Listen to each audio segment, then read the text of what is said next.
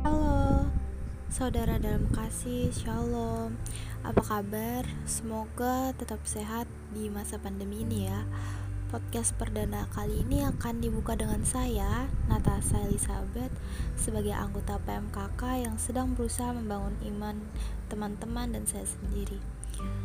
Sesuai dengan tema kita kali ini, Follow your heart but take Jesus with you aku mau sharing-sharing buat teman-teman semua tentang apa yang Tuhan ajarkan melewati ibadah-ibadah di minggu-minggu ini. Diambil dari Yohanes 3 ayat 22 sampai 30 dengan judul perikop kesaksian Yohanes tentang Yesus. Sudah tidak asing isi dalam Yohanes ini ya. Nah, mengapa pada awalnya kalimat tema kita ini follow your heart?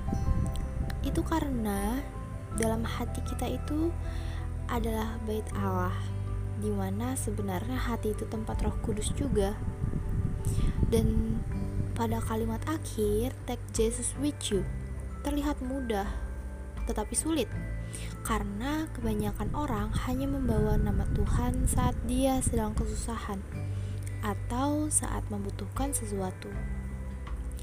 Pada dasarnya untuk membawa nama Tuhan sendiri dalam setiap hidup ini harus ada komunikasi dua arah. Karena itulah kita berdoa dan membaca firman-Nya. Nah, tahap awal yang dapat kita lakukan sebagai orang-orang muda yang masih memiliki jalan yang sangat panjang adalah dengan menarik perhatiannya, menarik perhatian Tuhan. Beda pemahaman menarik perhatian seseorang dengan menarik perhatian Tuhan dalam ayat 27, demikianlah firman Tuhan. Tidak ada seorang pun yang dapat mengambil sesuatu bagi dirinya kalau tidak dikaruniakannya kepadanya dari sorga. Apakah tulus atau hanya untuk sampai mendapatkan keinginannya kita menarik perhatian Tuhan ini? Ini atau ini hapus. Kita dapat menarik perhatian Tuhan dengan melakukan apa yang Tuhan mau kita lakukan. Salah satunya itu dengan percaya bahwa Tuhan Yesus adalah Mesias. Seperti kita, jika menginginkan sesuatu pasti berdoa. Nah, ketika kita datang ke hadirat Tuhan dengan senyum dan hati yang damai, itu adalah dampak dari Tuhan sendiri sudah menyatakan dirinya kepada kita seperti Paulus berkata kepada Tuhan, yaitu Tuhan, apa yang engkau mau aku lakukan. Begitulah seharusnya kita sebagai hambanya menarik perhatian Tuhan. Jangan dibalik. Apa yang kita mau Tuhan lakukan ini adalah konsep penyembahan berhala. Yang pertama yang harus kita lakukan adalah bercermin dari Yohanes. Kita belajar dari Yohanes. Karena yang dilakukan adalah dia mengaku Tuhan Yesus sebagai Mesias. Jadi kita harus mengaku Tuhan Yesus sebagai Mesias. Lalu selanjutnya tempatkan Tuhan sebagaimana yang dia mau.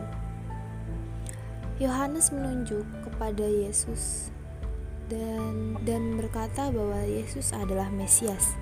Inilah di mana Yohanes membuat pengakuan di hadapan orang banyak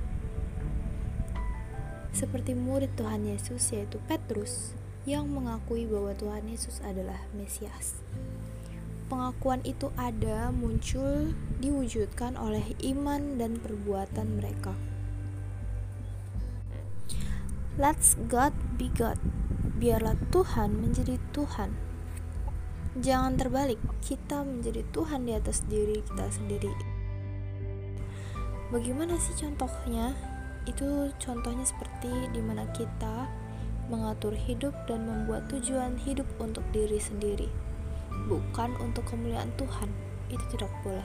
Di saat kita mengatur hidup untuk kepentingan diri sendiri itu adalah mentuhankan diri kita sendiri. Karena Tuhan kita layak diagungkan dan dimuliakan maka kita menghadap dia dengan segala kerendahan di hadapan Tuhan dan kerendahan hati sehingga menarik perhatiannya. Lalu selanjutnya tahap yang kedua adalah memiliki kesadaran bahwa kita adalah diutusnya. Seperti Yohanes sadar akan dirinya yaitu utusan di mana utusan tidak lebih tinggi dari pengutus.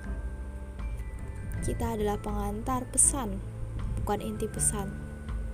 Karena pesan yang kita sebarkan adalah Tuhan Yesus itu sendiri. Kita bukan tujuan, kita adalah alat untuk mengelola ciptaannya dengan bertanggung jawab. Tugas kita saat ini adalah menjadi berkat menjadi orang lain. Tetapi Tuhan Yesus datang untuk memperbaharui sehingga manusia menjadi baru dan kembali menjadi tujuan awalnya, menjadi alat di tangan Tuhan untuk kemuliaan Allah. Kita kita ini adalah utusan di mana maksud Allah dinyatakan. Supaya orang-orang yang tidak mendengar kabar baik mendengarkan kabar baik, supaya orang yang mengalami keletihan dikuatkan, supaya orang yang putus asa diteguhkan dan mengalami penguatan. Tuhan berbicara melewati kita untuk orang lain mengenal dan memuliakan Tuhan, sehingga sekitar kita diperbarui imamnya.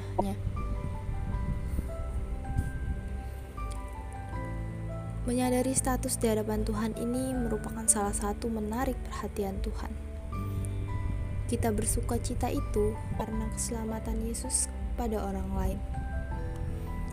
Dan pada tahap terakhir yaitu kemuliaan kepada Tuhan.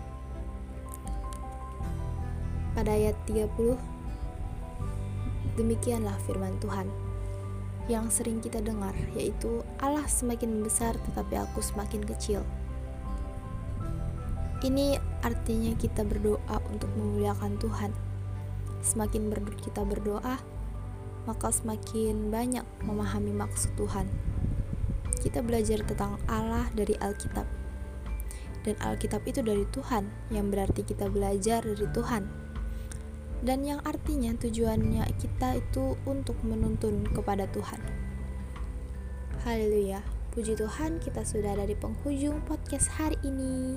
Selamat merayakan Pekan Suci semua. Semoga perayaan kita Kamis Putih, lalu Jumat Agung, Sabtu dan Sabtu Suci, dan puncaknya Minggu Paskah dapat dijalankan dan dapat menghidupkan kembali iman kembali iman teman-teman yang mendengarkan. Sampai jumpa on next podcast dengan narasumber yang berbeda. Shalom.